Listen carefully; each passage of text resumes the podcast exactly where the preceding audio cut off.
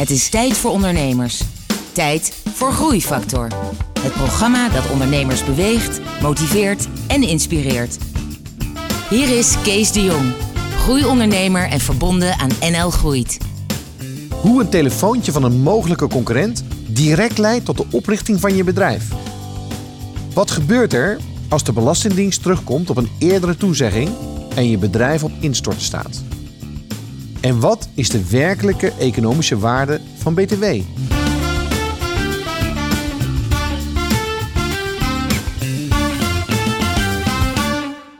Hallo en welkom bij Groeifactor. Het programma dat ondernemers beweegt, motiveert en inspireert. Met een openhartig gesprek hier op de bank met een inspirerende ondernemer. En vandaag is dat Joni Smenk. Joni, welkom. Dankjewel. Jouw bedrijf is uh, VAT-free, VAT-free. VAT-free. Moet je officieel zeggen. Ja. Ehm, kan je kort uitleggen wat dat doet? VAT-free betekent btw-vrij. Wij helpen reizigers om belastingvrij te winkelen in de EU. En met name nu in Nederland, België en Duitsland. Iedereen die van buiten de EU hier naartoe reist, die kan over al zijn aankopen boven de 50 euro de BTW terugkrijgen als hij de spullen meeneemt naar zijn thuisland. Een speciale regeling voor. En wij faciliteren dat met een platform. Oké, dat zijn ook van die stickers die je in de winkel ziet. eh, Precies. van de koop hier BTW vrij. Ja, dus dat een winkel dan al van tevoren actief aangeeft dat ze in zijn winkel belastingvrij kunnen winkelen. Ja. Oké. Nou, je hebt nu ehm, ongeveer 17 man. Je doet een kleine 2 miljoen aan omzet. En graag gaan we zeg maar horen hoe dat allemaal is gekomen. Ehm, en, dat, en dat begon al heel vroeg. Want het ondernemersbloed zat al vroeg bij jou een beetje in je lijf. Ja, het begon eigenlijk met eh, mijn eh, vader, die eh, ehm, ehm, op een gegeven moment, nadat we terugkwamen uit Azië, ik was toen een jaar of twaalf, ehm, hier op zoek ging naar nieuw werk. En eh, hij eh, is ingenieur weg- en waterbouw. En, maar doordat hij daar niet makkelijk meer werk in kon vinden, want dat was in de periode waarin je de ontwikkelingssamenwerking, dat daar steeds in de potjes steeds kleiner werden Mhm. is hij de automatisering ingegaan. En vanuit de automatisering heeft hij toen met een student van de TU Delft en zijn broer eh Jan Willem Smeek het bedrijf wat we nu kennen als Booking.com opgezet. En ehm, eh, zij zijn natuurlijk als, als initiële founder, er was er heel snel moesten er een aantal financieringsrondes bij komen. Dus uiteindelijk hadden ze maar volgens mij 1% of 1,5% Ja. over. En dan heb je een drag en drop. En dan moet je Ja. gewoon eh, eruit. Wat gaaf dat je daarmee bent opgegroeid. Ja, En wat heeft Ja. dat met jou gedaan? Nou, het heeft me heel voorzichtig gemaakt. In die zin, het heeft me wat meer ehm, ehm, eh, feeling gegeven en inzicht gegeven over ehm, eh, dat als er op een gegeven moment veel geld komt kijken bij iets, dat je dan dus controle heel erg verliest. En dat je dan ook te maken krijgt met hele andere belangen. En dat het heel lastig is om soms daar goed in te sturen. Ehm, eh, als je bedenkt dat de, weet je, de initiële founders, eh, losstaand van Jan Willem en mijn vader Henk, daar waren familie en friends was de allereerste ronde daarna, als het ware. Nou, dat waren een groep van twintig man ongeveer. Ja, die hebben natuurlijk, die zijn er heel snel, hadden die niks meer te zeggen. Ehm, en, en dat heeft in die zin eh, mij wel bewust gemaakt van het feit dat als je dus gaat voor investeringen en voor geld, dat het beter is om eerst even iets te hebben wat echt traction al heeft en wat draait, zodat je er een betere prijs voor kan vragen. Dan eh, gelijk al vanaf het begin af aan eh, te verkopen, geld te krijgen en dan dus controle daarin te verliezen. Dus jij bent nu nog 100% eigenaar van VAT Free. Ik ben nu nog DGA, ja. ja. Maar ze hebben met dat boekinggeld, hebben mijn oom en mijn vader een deel daarvan geïnvesteerd in, het, in de opstart van vatfree.com. Oké. Dus ik heb hun als aandeelhouders. Ja, maar daar weet je in ieder geval zeker eh, dat er natuurlijk geen misbruik wordt gemaakt, want het is eh, Ja. friends and family. Ja, ja, maar dat, en dat is ook gelijk weer, eh, als ik het even loop neem, de tegenhouden als je weer verder wil groeien natuurlijk. Want op een gegeven moment moet je gewoon op eigen benen doen. En, en ook niet meer met friends en family. Dat gaat op een gegeven moment ook weer in de weg staan. En je hebt nooit ergens gewerkt. Nee. Nou Ja. ja, ik heb bijbaantjes gehad. Ja. Ja. Ja. Maar je bent eigenlijk direct Ja. vanuit je studie, Ja. vanuit je studies moet ik eigenlijk zeggen, ben jij begonnen met, eh, met VAT. Met ondernemen. Wa- ja. Wat heb jij gestudeerd? Ik heb International Business and Languages gestudeerd. En ik heb eh, internationaal recht gedaan en cultuur, organisatie en management. Oké, Ja, dus en ook houdt, wel leuk- houdt van leren, zeg maar. Nou, helemaal niet. Ik hield helemaal niet van leren. Want ik was eh 16 toen ik eh, een cheerleadersgroep eh startte. Want ik was helemaal into dancing. En, eh, en er was een eh, cheerleadersclub hier in Amsterdam. En die eh, werden dan ook wel eens uitgenodigd voor televisieprogramma's en zo. Die heette de Amsterdam Admirals toen de tijd. En toen dacht ik, dat wil ik ook. Dat, dat weet ik nog. Ja? Dat was heel vaak Ja, op televisie. En ook bij de arena en Ja. zo, die straden altijd op. En toen dacht ik, nou, dat wil ik ook. Dus ik ben daar toen op de try-out gegaan. En ik woonde in Arnhem. Dus dat was, zou voor mij dan drie keer in de week anderhalf uur naar Amsterdam en dan weer terug zijn. Maar was ik niet uitgekozen. Nou, daar baalde ik enorm van. Dus zet ik mijn eigen cheerleader groep op in Arnhem. We hebben zelfs bij de opening van het Gelderdoom gedanst met die groep. Dus dat was wel lachen. Dus ik begon daar al een beetje te snabbelen, weet je wel. dus dat was altijd wel lachen. En toen dacht je, ik ga in ieder geval niet bij een bank werken. Nou, niet, nee. Het, het, eh, het daagde me niet uit om ehm, ehm, daarin eigenlijk eh, het traditionele eh, pad te bewandelen. Ik vond het veel leuker om zelf iets op te zetten. Maar ik ehm, zag ook niet in, dit, in die periode echt de toegevoegde waarde van studies in. Want eh, eh, ik vond eigenlijk dat ik op school niet... eh, alles wat ik leerde, dat was ehm, niet gelijk in de praktijk toegepast. Dus daar kon je dan altijd nog sceptisch over zijn. Maar ja, werkt het dan echt zo of niet? Ehm, dus op een gegeven moment had ik besloten, nou, ik ga gewoon naar New York. Dus ik heb de boel de boel gelaten. En ik was toevallig ook verliefd op een jongen die in New York woonde. Dus ik had gezegd, ik ga gewoon mijn leven daar opbouwen. En dan zie ik wel, ik hoef ook niet meer te studeren. Ik had mijn VWO afgerond. Ik denk, ik zie wat ik doe. toen? 18, Eh 19? 19 was ik toen. Ja, dus ik denk, ik zie het allemaal wel. En eh, nou, mijn vader die heeft nog geprobeerd me eruit te praten. Die zei, nou nee, het is belangrijk dat je natuurlijk wel een studie eh, hebt. Ik zei, nou, de beste ondernemers in de wereld eh, die hebben nog nooit gestudeerd. Dus misschien juist niet. Dus ben ik naar New York vertrokken. En toen heb ik daar gewerkt. In die zin heb ik wat ondernemers ontmoet. En heb ik wat dingetjes gedaan. En, maar je kon daar natuurlijk al niet zonder werkvisum zomaar aan de bak. Ehm, en ik kon er ook niet studeren, want ik wou heel graag naar Harvard of zo. Als ik dan ging studeren naar zoiets. Maar ja, dan betaal je 150.000 dollar per jaar of zo. Ja. nou, toen kwam ik toch maar op een gegeven moment Je de kon wel relatie. groot dromen in Ik kon groot dromen. Nou ja, de relatie ging uit en eh, toen kwam ik met hangende pootjes terug. En toen ging mijn vader nog met me zitten en die zei: Goh, nou ja, misschien is het dan wel verstandig om iets kleins anders te doen, weet je wel. Ja. Eh, en eh, toen had ik me ondertussen al ingeschreven in de business, Inter- International Business and Languages studie. En toen vervolgens de ene studie, rechten Ja. erbij. Maar Ja. je ondernemerschap is begonnen, Ja. eh, tenminste naast die, die cheerleaders dan, na eh, de Summer School ondernemerschap. Ja, toen is het Toevallig werd dat betaald door ABN AMRO of gesponsord. Ja, het werd gesponsord door de ABN AMRO En in combinatie met VU. iets. Ja, want ehm, mijn eh, oom kwam toen terug uit Tanzania. Die was vertrokken na dat boekingsverhaal. Was die vertrokken naar Tanzania. En, ehm, en die liep eigenlijk tegen de lamp op met dat belastingvrij winkelen. Want hij kon als expert zijnde ook gewoon zijn BTW terugkrijgen. Alleen hij ging altijd winkelen bij zijn familie en vrienden in de buurt. eh, waar hij ook logeerde, Amersfoort en zo. En eh, daar wisten ze allemaal niks van het hele tax-free af. Dus hij had eigenlijk altijd gezeik erover. Ehm, en hij kwam toen naar mij toe en hij zei: Goh, moest jij niet afstuderen? Ja, want ik ben International Business and Languages aan het doen, et cetera. En moet je dan niet nog iets van een leuk marktonderzoek doen? Nou, toevallig wel. Ik was in datzelfde jaar ook al begonnen met mijn master, dus vandaar die overlapping.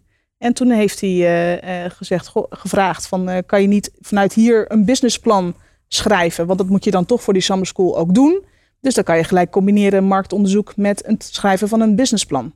En dat businessplan, dat had al te maken met eh, belastingvrij winkelen. En dat had eigenlijk al te maken met belastingvrij winkelen. Dat marktonderzoek was, had ik daarvoor net afgerond, was ik op afgestudeerd en toen ben ik, heb ik daar gelijk dat businessplan ingediend voor die summer school.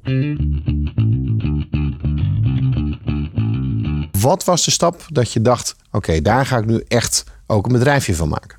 Nou, wat mij heel erg aansprak eigenlijk, eh, en dat had ik me daarvoor niet gerealiseerd, is dat er gewoon eh, dat het een enorme onontgonnen ontgonnen markt is eigenlijk. Er blijft 300 miljoen euro aan BTW per jaar liggen eh, in Nederland, eh, 8 miljard op EU, eh, EU-wide. En, het, en veel reizigers weten het gewoon niet. Dus eh, dat sprak me heel erg aan, omdat Ja. het eigenlijk gaat over gevonden geld. Ehm, en het gaat niet over iets verkopen, maar iets teruggeven. Ehm, eh, dus dat was in eerste instantie ja, de, de- de En, marktpotentie. en we hebben het nu over eh, zeg maar 2005, 2006. klopt dat? 2006, ja, in de zomer van 2006. En ehm, ehm, dus dat vond ik een hele interessante eh, markt eigenlijk. Ik had er nog nooit eerder van gehoord. En eh, als ik dan om me heen vroeg, de meeste mensen die reageerden ook vol verbazing. Oh, kan dat dan echt? Eh, oh, oh hoe, hoe werkt het dan? Oh, is dat zo? Nou, dan ga ik dat ook eens een keer proberen. Dus je kreeg ook heel veel positieve respons van mensen. Die dat allemaal een heel gaaf idee vonden. En wanneer dacht jij, hier moet ik iets van maken? ik eh, had het businessplan geschreven om te kijken of het feasible zou zijn om er iets in te starten. En ehm, eh, ik heb dat ook moeten presenteren in die summer school voor de board van onder andere ABN AMRO. En ehm, ehm, eh, de- degene die dan het beste feasible businessplan had, die had dat gewonnen. Eh, en, en, ik had ook gewonnen, dus dat was heel gaaf. Ehm, en dan had de bank, die, die was dan zodanig serieus dat ze zeiden, nou ja, we geven je natuurlijk consultancyuren. En, maar we geven je ook toegang tot een lening. En dan kan je naast dat je een bedrijf zou opstarten, ook met een stukje geld in de weer gaan. Um, dat was voor mij een teken om het echt serieus te nemen. Ik dacht, nou ja, als ik al een beetje geld heb. En toevallig had mijn 150.000 euro. En toevallig hadden mijn, had mijn oom en mijn vader gezegd, nou weet je wat, dan matchen wij dat. Dus dan kan je met drie ton in ieder geval aan de slag. Dan dacht ik, nou, nou dat is, dan kan je echt serieus wat stappen gaan zetten. Ja, maar besef jij eerst... hoe weinig ondernemers dat voordeel hebben? Dat nog voordat ze begonnen zijn, dat ze 300.000 startkapitaal hebben? Ja. ja, dat besef ik me wel. Ja. ja, nee, dat besef ik me wel. Dat was ook wel heel gaaf. Um, maar het was gelijk, tegelijkertijd ook een druk. Want het is dan wel een lening. Um, um, dus je moet er dan ook echt voor willen gaan. Dus ik was een beetje in limbo. Ga ik er nou echt voor of niet? En toen kreeg ik een telefoontje.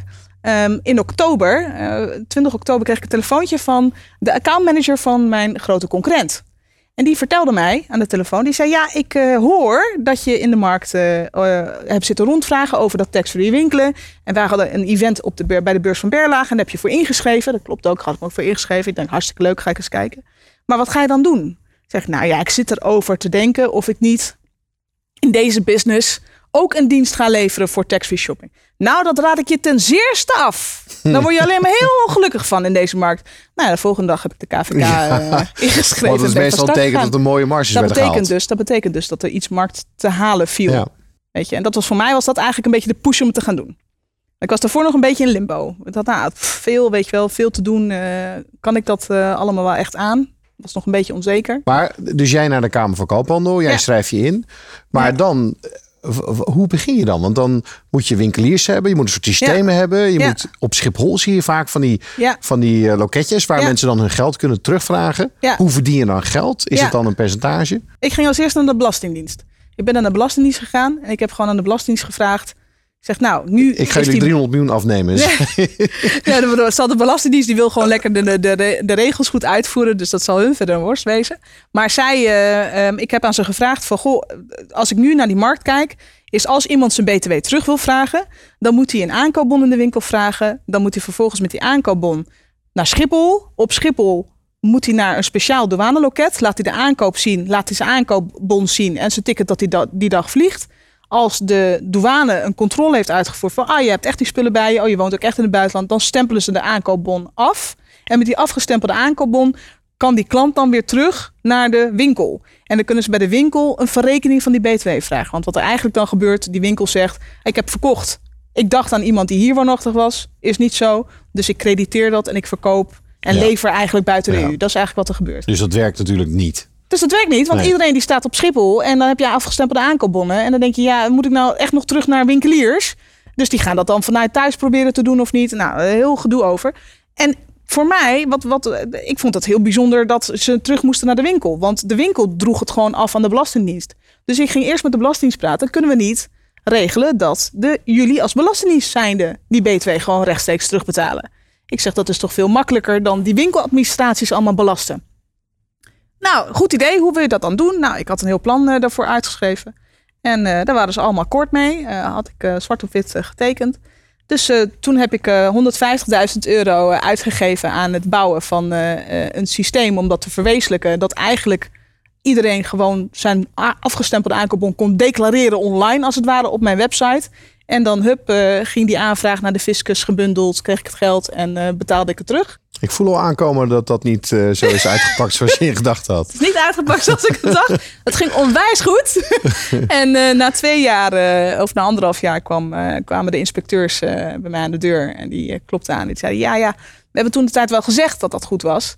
Maar uh, we hebben toch nu van hogerhand uh, gehoord uh, dat we het, die vergunning die we hebben gegeven, dat we die moeten intrekken. Want er is rumoer in de markt. Had jij al mensen aangenomen toen? Ja, ik had al een paar mensen aangenomen. Dus je had mensen aangenomen. Je ja. had zeker 150.000 euro geïnvesteerd. Ja. Je zat er, je hing er goed in. Ja. Ze belden aan. Ja. Sorry, gaat even niet door. Ja. Wat doe je dan op zo'n moment? Nou, eerlijk gezegd was mijn eerste reactie was, nou dat kan toch niet waar zijn. Um, mijn tweede reactie was, nou, dan is het misschien niet gegeven. Dan uh, ga ik gewoon iets anders doen. En uh, uh, En mijn derde reactie was dat ik eigenlijk ontzettend pissig werd. Want toen dacht ik, ja, dat kan, het kan toch niet waar zijn? Er wordt overal gepredikt ondernemerschap. Weet je wel, dat is super belangrijk in onze markt. Er wordt zelfs vanuit ministeries van alles nog wat over geroepen. Nou ja, dan, dan probeer je iets wat innovatief is, wat eigenlijk nieuw is in die markt. Wat die wet en regelgeving eigenlijk zodanig buigt dat het beter gaat werken. Maar iets wat wel ja, afgestemd moet worden, waar je aparte afspraken over maakt. Ehm, eh, en als vervolgens die, men op afspraken terugkomt en dan ook nog eens een keer je weinig de tijd geeft om daarop te anticiperen, ja, dan, dan voelt dat uh, ergens heel gemeen of zo. Dat is het eigenlijk een beetje, dat woord. En, maar als je het zo zegt, dan, dan zie ik je dat je uh, bent gaan vechten. Je gezicht, ja, ja. je hebt een soort grimas van... Ja. Ja, want, want ja, het is onrecht namelijk. Ja, het is welk telefoontje heb je gepleegd? Wie was de eerste persoon die je belde? Uh, de eerste persoon die je belde was een, um, een, een bevriende fiscalist. En hij heeft toen echt wel uh, voor mij wat betekend in die periode. Want hij zei, nou weet je wat Joni, het is belachelijk uh, dat dit zo gebeurt. We gaan René bellen. En René ken ik goed. En dat is René van der Paard. Dat is de grote BTW-man van Nederland. Die gaan we bellen. En we gaan nog wat andere mensen bellen. En dan gaan we heel snel uh, een vergadering houden met uh, zes man om de tafel, zeven man om de tafel. Zij waren degene die toen op een gegeven moment zeiden, nou weet je wat, we vinden dit gewoon een eerzaak. Dus dat betekent dat we je gewoon gaan helpen. En, ja. uh, en we zien wel waar het op strandt. En toen hebben ze in ieder geval geregeld dat ik drie maanden uitstel van executie als het ware had. Ja. En toen heb ik in die drie maanden heb ik een heel turnaround weten te bewerkstelligen. Ehm, ja, waarin ik eigenlijk van één debiteur, de Belastingdienst die gewoon altijd netjes betaalde na elke drieënhalf week, al die duizenden winkeliers moest gaan aanschrijven. Ah, Oké, dus je bent weer teruggegaan naar het oorspronkelijke model, waarbij de ja. winkeliers eigenlijk dat zelf ja. moesten doen. En dat heb je ook moeten automatiseren, denk ik. Want anders was dat niet te doen. Ja, maar we hadden natuurlijk al een heel systeem staan. Dus we hebben dit hele systeem hebben omgebogen naar het nieuwe model. Dus zo heb je eh, dat nieuwe bedrijfsmodel, wat veel complexer was, heb je ja. uiteindelijk weten. Dat ik, heb ik toen officieel. Ik wil eigenlijk iets meer weten hoe je dan als, uh, nou niet jong meisje, maar jonge, jonge vrouw. Ja die nog nooit ergens heeft gewerkt, ja. hoe je het hebt ervaren om je bedrijf te gaan runnen. Want het, het aannemen van mensen, het interviewen ja. van mensen, ja. hun salaris uitbetalen, het continu de struggle, haal je het wel of niet de, het kwartaal of de maand. Hoe heb je dat ervaren? Nou, in het begin uh, um, nam ik gewoon vrienden aan, uh, goede vrienden. Uh, dus we hadden het altijd eigenlijk heel gezellig. en op een gegeven moment moest er echt gewerkt worden. In die zin dat je natuurlijk, als je dan zo'n turnaround natuurlijk meemaakt, dan heb je het echt, dan heb je het over serious business. Dus dan moet je met z'n allen er um, uh, vol voor gaan. Um, nou, en dan merk je dat er dan uh, strubbelingen zijn. Dat je dan ook gewoon afscheid neemt van sommige vrienden. En sommige vrienden juist heel erg samen met je aan de bak gaan. Um, en de eerste mensen die we daarna eigenlijk een beetje gingen aannemen, uh, waren stagiaires. Want die waren niet zo duur. En uh, die uh, uh, konden ook echt gewoon de handelingen uitvoeren die we in eerste instantie dus niet meer geautomatiseerd hadden. Namelijk de brieven, templates en het invullen van de gegevens van de winkel en dat soort zaken. Dus die konden ook gewoon ja, de, echt typewerk doen. De typewerk doen, ja. mechanical Turk als het ware. dus we, hadden, we waren heel snel waren een team van tien. Uh, wat bestond uit uh, uh, zes stagiaires. Totdat we ons realiseerden dat, ja, dat wel belangrijk is dat je dan het werk ook gaat monitoren. Want wat er dan uiteindelijk ook dan gedaan werd, ja, dat hadden we later weer twee keer zoveel tijd voor nodig om dat weer te rectificeren. Want ja, je moet natuurlijk ja. wel opletten wat iedereen doet. Dus ik heb toen geleerd ook, ja, wacht eens even, niet iedereen werkt op de manier zoals je zelf werkt. En niet iedereen doet de dingen zoals je dat zelf doet. En niet iedereen wil ook de lange dagen maken die je dan op dat moment zelf maakt. Vond dat lastig? Ja, vond ik wel lastig, ja. ja, heel eerlijk bekennen. Wat is het, wat is het grootste punt waar je tegenaan bent gelopen? Ik denk de eagerness om iets te willen doen. Ik denk dat, de me, dat, dat hetgene wat me het meest frustreert vaak is dat mensen al heel snel genoegen nemen met iets. En dat het vergt heel veel um, effort om net even dat laatste stapje te gaan. Uh, maar ik haal daar heel veel trots uit, omdat ik dan ook weet dat het goed is. En ik merk gewoon dat het bij heel veel niet zo is. Dat het bij heel veel is. Maar is dat niet het verschil gedaan. tussen ondernemers en medewerkers? Ja, dat, dat zou je kunnen zeggen. Aan de andere kant, ik heb nu wat mensen voor me werken die dat ook hebben. En dat zijn dan ook niet echt ondernemers, maar wel misschien de ondernemende. Dus, dus daar selecteer je op? Dus daar selecteer ik nu wel op. Dus wel Hoe dan? Dus door eigenlijk gewoon uh, echt te kijken naar de persoon. En ook een beetje te vragen naar hoe zo'n persoon ook zijn leven leeft. Ehm, eh, ik heb gewoon gemerkt dat, dat eh, als je kijkt naar grote wereldproblematieken, ehm, eh, waar we allemaal mee te maken hebben, is dat er vaak twee reacties zijn. De reactie van ik ga me helemaal innestelen en ik kan er toch niks aan doen, dus laat het allemaal maar zitten. En de reactie van ik ga er gewoon iets aan doen, maakt niet uit wat. Ehm, en ik zoek de laatste soort mensen, die zoek ik. Openhartige gesprekken met inspirerende ondernemers. Je luistert naar Groeifactor. Joni, we hebben een gesprek eh, over jouw bedrijf, VAT Free. En over jouw ehm, ervaringen met leiderschap. Je was van een meisje achter in de twintig. Moest je opeens mensen gaan leiden. Ja. Hè? En dat is dus motiveren, inspireren, feedback geven. eh, eh, beoordelingsgesprekken houden. Hoe is je dat Dat is met heel veel vallen en opstaan gegaan. En ik denk dat ik nu pas een beetje, sinds een half jaar misschien een beetje door heb. Wat had je niet door in het begin? Ik denk wat ik niet door had, is dat ehm, ehm, ik zag mensen die ehm, ehm, meededen voor een periode van hun leven ehm, en, en bij mij eh, kwamen werken. Eh, ik, ik heb heel erg result-driven en, en kapitalistisch er eigenlijk altijd naar gekeken. Eh, van, nou, jij doet wat voor mij en ik doe wat voor jou. Dus jij komt bij mij werken en daar krijg je salaris voor.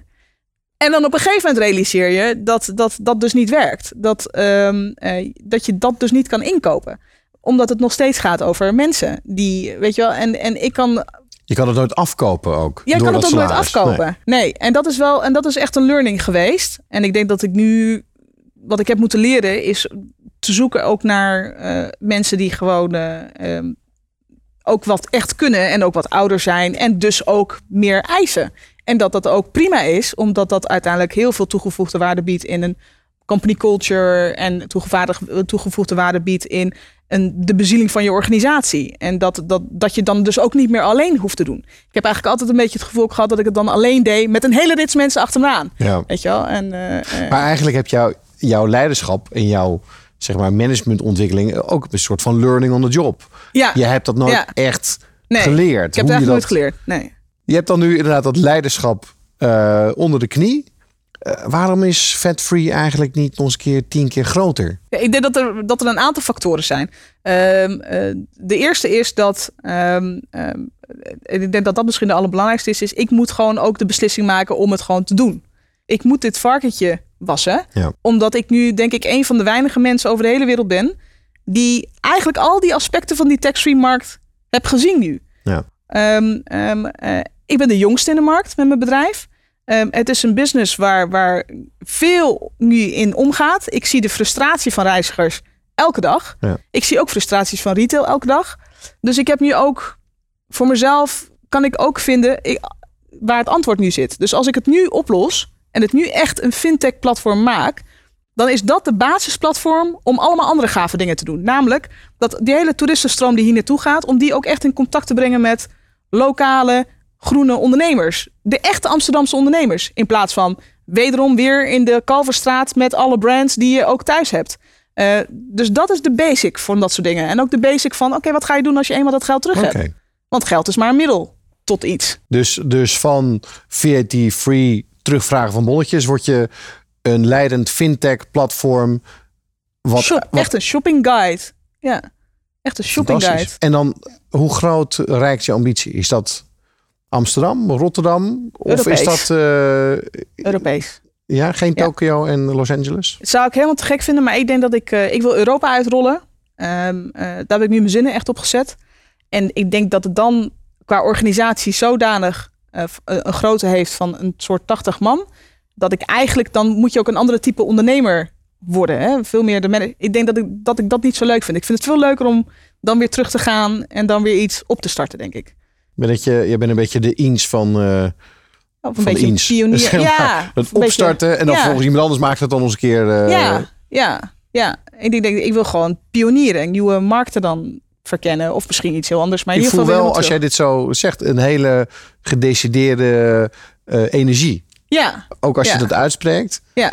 Ik ben nu gefocust. Sinds een half jaar, dus het kan nog alle kanten Dus, op gaan. dus die van, van 2 naar 20 miljoen, dat Ja. gaan we de komende jaren zien. Dat gaan we nu de komende jaren zien. Ja, ik ben er echt wel. eh, ik, ik ga ook voor het eerst nu geld ophalen. Dat heb ik dus ook niet eerder gedaan. Ehm, ehm, eh, altijd wel een beetje gesprekjes hier en daar. Mhm. Maar nu voor het eerst ook echt serious. eh, met een serieus plan. Met serieuze, serieuze milestones. Ehm, eh, we hebben nu dus zwaar geïnvesteerd in die app. Ik heb een team, een basisteam staan waar ik in geloof. Ik- er komen hier wat meer seniors bij. Er komt een board of eh, eh, advisors. Ik kreeg natuurlijk ook de vraag terug van mijn team van ja jongens, we moeten gewoon nu doorpakken dan ook. Ik krijg nu ook zoveel retailers die partner van me worden, die ook gewoon ehm, ja, ook heel erg het ook van je vragen. Van je moet nu het echt gewoon gaan doen. Ja, die verwachten dat ook. En die verwachten dat ook. Ja. En dat zijn, en weet je, en dat zijn hele, dat zijn grote brands die ook de keuze maken, de bewuste keuze maken om te zeggen, nou, we gaan niet meer met die club in zee, want die staat al voor 30 jaar, 40 jaar, weet je, papierwerken, gedoe en toestanden. En we kiezen voor, we maken het, we nemen het risico om te kiezen voor een veel kleiner bedrijf, maar je hebt een gaaf verhaal. Dus daar geloven we in en daar gaan we in investeren. Ja. Ja, dat- weet je, en dus nu word ik, ik voel me nu gesteund ehm, eh, en wil nu gewoon kaart doorpakken. Dat is Hey, eigenlijk en met een investeerder? Ja. En heb je al een deal? Eh, we zijn eh, fair, maar we zijn met een aantal partijen heel serieus aan het praten. En dat is zo'n zo'n private equity. Hoe, hoe zoek Ja. je zo'n partij? Nou, we hebben op Lissabon hebben we de app launch gedaan, als het ware. Waar in, heb je? in, op Lisse- in Lissabon bij, op de Web Summit was dat afgelopen november. Dat is En, voor eh, jullie, voor, voor, voor de web development bedrijven, is dat dan een soort... Dat eh, is de techbeurs eh, wereldwijd, Ja. een beetje. En eh, daar komen ook heel veel eh, eh, eh, privacy, eh, private equity eh, clubs naartoe. En daar werden we, op een gegeven moment kregen we heel veel PR, want we werden gekozen tot eh, een van de 50, de top 50 to watch. Eh, dus ineens hadden we allemaal Oh. meetings achter elkaar. En, dat doe jij eh, goed. eh, al, ja. die, al die soort van...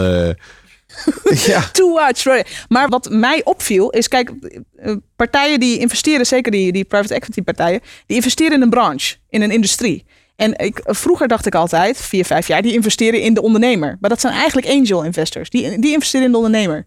Eh, maar zo'n hele grote jongen, die als je dan terugkijkt hoe bedrijven van klein naar ontzettend groot zijn eh, eh, gegaan, eh, die hebben gewoon een paar hele zware rondes gehad omdat je ook die hele techniek, daar moet je ook heel gaaf in investeren om het seamless te maken, zodat mensen het gaan doen.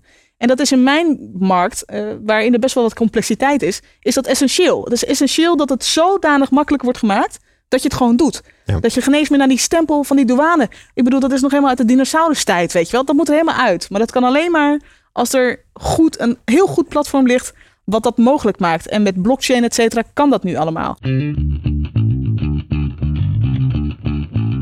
Wat zijn jouw belangrijkste inzichten van de afgelopen eh, tien jaar? Nou, nog niet eens. Maar nou, een kleine tien jaar ondernemerschap.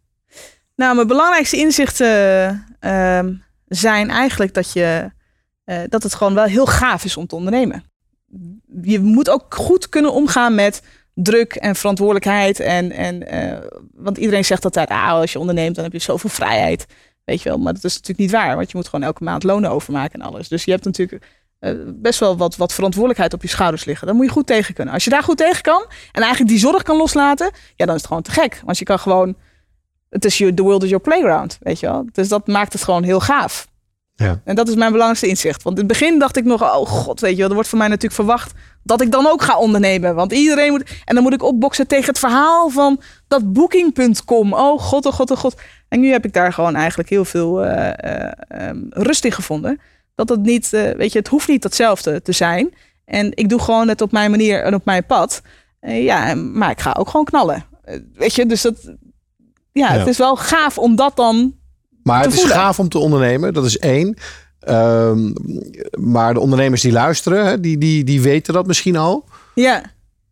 Dus voor de ondernemers. zou, zou bij jou heeft er iets, is er iets plaatsgevonden dat jij de eerste, laat ik zeggen, nou pak een beetje 9,5 jaar, Ja, hè, ben je doorgekacheld, je hebt geleerd. ja, En in het laatste half jaar is er iets gebeurd. ja. Waardoor, hè, dat is een beetje timing. Hè, die, met wat jij doet, het is eh, fintech, het is opeens hip en hot. Maar er is ook iets met jou gebeurd. Er is ook iets met mij gebeurd. En ehm, ik, ben, ik ben er gewoon nu klaar voor. Ik ben er klaar voor om het gewoon groots te doen. En ehm, ehm, En wat is dan precies wat daar gebeurd is, wat, wat andere ondernemers misschien ook kunnen creëren of in zichzelf oproepen? weet je, het is gewoon een, het is best lastig, want het is een feeling. Weet je, ik kan niet van het gevoel af. Dus er is een soort innerlijke, er is een overtuiging ergens waar, waar ik niet van afkom. En de grap is, dat is vaak hetgene wat leidt uiteindelijk ook tot dat het echt werkt en echt een succes wordt. Ehm, en ik heb ook de, de ja, ik, ik weet niet of het nou geduld is, maar ik heb die jaren, al die negen jaar dat er is, ik heb het gewoon volgehouden. En ik heb ook elke dag wel eens dat ik denk, nou weet je, nou ben ik het eigenlijk helemaal zat. En daar ik verkoop gewoon die tent. Ehm, en, maar elke dag gebeurt er wel iets wat weer heel gaaf is. Ja. En eh, het goede is wel dat nu we in die, in die slipstream zitten, dat het gewoon heel snel gaat. Is dat, ik, dat die momenten minder zijn. Dan is het niet meer elke dag. Dan is het ineens elke half jaar of zo. Weet je wel? Dat je dan denkt, nou, poeh. Weet je, moet ik daar nog door? Weet je wel? Maar, dat, maar dat, in het begin heb je dat elke dag. Dus daar moet je wel dan. Dus voor de ondernemers zou ik willen zeggen: hou, als je ook dat gevoel hebt, hou het echt vol. Hou het echt vol. En knal maar even doorheen. En weet je wel, en als je dat gevoel niet hebt, dan zou ik zeggen, stop er dan ook mee. Want dat is gewoon echt, ga lekker in iets anders ondernemen, snap je? Dus het niet altijd alles hoeft een, een heel groot succes te zijn natuurlijk. Nee, maar dat is grappig. Jij zegt nu eigenlijk hetzelfde wat anderen tegen jou Ja. zeggen. Ja. Ja, maar ergens bij jou is er Ja. ook iets gebeurd dat je dacht, ja, potverdorie. Want het is natuurlijk zo. Op het moment dat je dat al negen jaar doet, wat je zelf beschrijft. Ja, Dat je dan, dan eh, alles heeft een incubatietijd. Ja. Maar dan ergens is er een soort van vechtlust eh, eh, ontstaan. Dat je echt een soort van wil winnen. En gedeeltelijk komt dat doordat je de wereld een beetje beter wil maken. Ja. En dit is dan een heel goed vehikel om het te doen. ja. Maar het lijkt ook wel alsof je het een beetje zat bent. Dat anderen zeggen van misschien moet je ermee stoppen. Nou, ik En denk dat, dat, je het- daardoor wil laten zien van oh, wacht eens even. Dat kan echt wel een tent worden van 20 miljoen of 30 of Ja. hè, zoveel landen. Maar ik, ben, ik denk dat ik ook gewoon het gedoe zat ben. Ik denk dat ik gewoon, ik heb gewoon zelf afgelopen zomer best wel veel op Schiphol gezeten bij onze servicepalie. Mhm. En dan zie ik die rijen van mensen met al die bonnetjes. En al dat gedoe, jongen, om dan drie kwartier of tot anderhalf uur in de rij te staan om een stem te halen. Ehm, dat ik dan ook dacht, dat kan gewoon niet meer. Nee. Het kan gewoon niet meer. En het is gewoon van de zotte dat het nog steeds is. En het is van de zotte... dit is een goede energie. Want dit, Ja. dit zie je vaak bij succesvolle bedrijven. Dat iemand zich heel erg boos maakt over een probleem. Ja, En, en dat is misschien wel een beetje Maar de zie. technologie is er nu om het ook te doen. En dat Ja. was er niet vier, vijf jaar geleden. Want de, de problematiek van dat stempelen is dat je moet zeker weten dat iemand zijn spullen met zich mee heeft. Ja. Want er wordt anders best wel wat in gefraudeerd. Ja. Dus daarom staat iedereen heel stom in zo'n douanerij, weet je wel. En dan moeten er weer, weet je, allemaal douanebeambten worden aangenomen.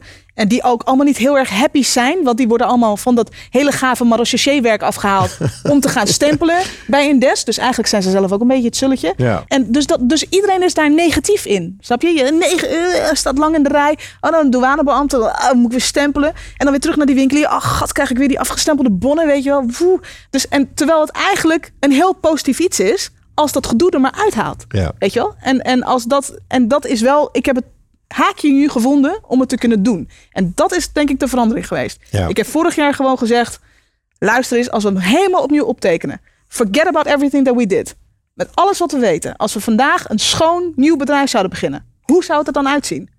En toen En- kwam er en- ineens een en- plan op tafel. en dat ben je aan het dat bouwen werkt. nu, ja. En dat is wat we toen zijn gaan doen. Toen heb ik gezegd, oké, maar dat ga ik maken. Want daar heb ik voor gekozen. Dat andere ben ik in gedwongen. Ik ben gekozen met een eerste businessmodel. Ja. Vervolgens moest ik gedwongen in een heel ander businessmodel. Nou, daar heb ik me helemaal de schompers in gewerkt om dat te surviven. En nu heb ik weer iets kunnen kiezen waar ik weer in geloof. Waar ik echt denk, maar dit werkt echt. Dit werkt. Dat is, dat is de verandering, denk ik. Nou, heb je dat toch hè, eruit gekregen. Het venijn zit in de staart, denk ik, Ja. in dit eh, interview. Gelukkig. ja. Dus niet opgeven, kom door. Nee, opnieuw ik, zie een, eh, ik zie een vrouw met een eh, vurige missie. Die, die, Ja. die dat wil oplossen. Die daar iets wil in veranderen. Ja. Eh, Joni, eh, ik wil je enorm bedanken voor dit interview. En, en, ik, en ik geniet van je vurigheid en van, van de hernieuwde ondernemingslust Ja. die ik eh, in je ogen zie. Dus eh, enorm bedankt voor dit interview. Hetzelfde. Iedereen bedankt voor het luisteren naar deze aflevering van Groeifactor. Graag tot de volgende keer en nog een fijne dag. Ga naar mkbbrandstof.nl voor nog meer inspirerende verhalen van mede-ondernemers. Groeifactor beweegt ondernemers.